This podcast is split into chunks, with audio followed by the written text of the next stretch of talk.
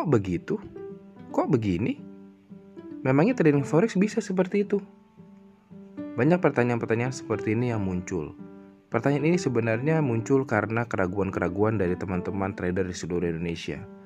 Mereka masih meragukan apakah trading forex ini merupakan suatu bisnis yang dapat menunjang kehidupan mereka atau tidak ke depannya. Oleh karena itu, Trade Education with me, Frankie Nangoy, akan berusaha menjawab semua pertanyaan-pertanyaan dari teman-teman, supaya teman-teman bisa mendapatkan informasi yang lebih sehingga bisa mengambil keputusan apakah ingin terjun di trading forex atau tidak. Pertanyaan-pertanyaan ini saya kumpulkan dari semua teman-teman saya trader di seluruh Indonesia. Oke, selamat mendengarkan.